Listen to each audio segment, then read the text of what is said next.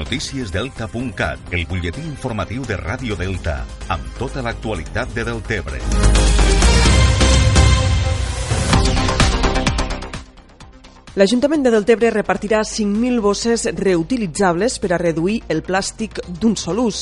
Així, els veïns i veïnes de Deltebre rebran a casa seua durant els pròxims dies una bossa de compra reutilitzable per tal d'evitar de manera progressiva la utilització de bosses de plàstic. En total es distribuiran unes 5.000 bosses amb el lema Deltebre recicla i conjuntament amb les bosses també s'adjuntarà un fulletó amb consells de reciclatge.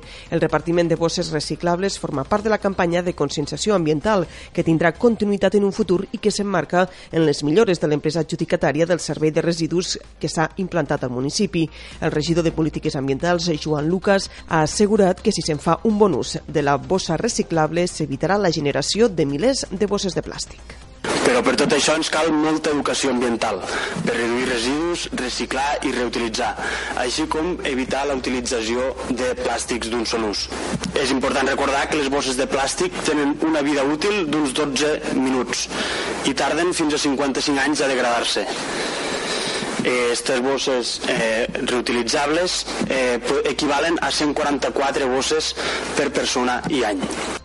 L'Ajuntament de Deltebre ha recordat també que s'han emprès altres mesures per minimitzar l'emergència climàtica, com ara les bonificacions de l'impost de circulació als vehicles elèctrics i híbrids. A més, les ordenances fiscals del 2020 també preveuen bonificar l'IBI en un 25% a les famílies o empreses que instal·len plaques fotovoltaiques destinades a l'autoconsum. Una altra de les mesures que s'ha engegat per avançar en l'eficiència energètica és el canvi a LED de l'enllumenat de l'edifici de l'Ajuntament. Esta mesura, que està a punt de culminar, suposarà un estalvi econòmic de més de 12.000 euros durant els propers 6 anys. La deltebrenca Diana Santiago és la nova responsable de l'àrea de comunicació del Secretariat Nacional de la CUP i una de les quatre noves portaveus de l'òrgan.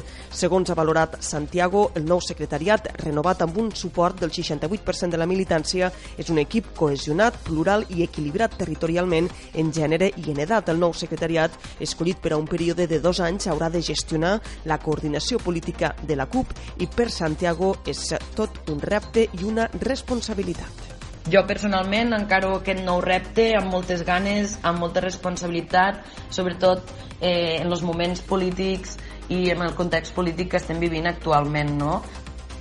Santiago ha recordat també que el municipalisme és un eix fonamental per a les polítiques de la CUP i ha insistit que la seva incorporació al secretariat nacional no implicarà que s'hagi de desvincular de la política municipal de Deltebre la meva incorporació a l'organització a nivell nacional no ha de fer que em desvincule de, òbviament, la meva militància municipal i que, per tant, continuarem, o ens haurem de reorganitzar, però continuarem treballant i, i continuaré treballant pel nostre poble, no? sobretot per a poder continuar ficant la vida de les persones de Deltebre al centre de la política municipal.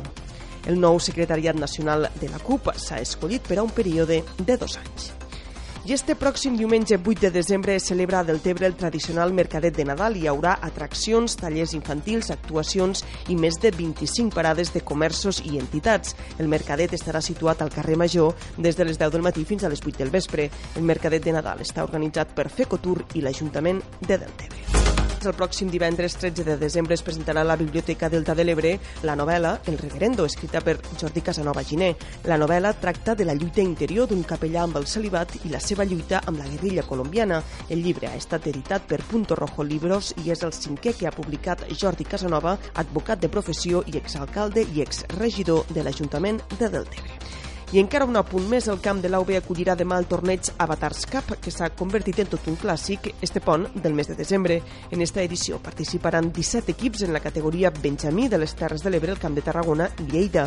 Per matí es faran les fases de grup i per la tarda les eliminatòries i les fases finals. El torneig està organitzat per l'Avatars Academy amb la col·laboració de la Unió Esportiva Jesús i Maria i l'Ajuntament de Deltebre. Això és tot per ara. Més notícies, com sempre, al portal deltacat.cat.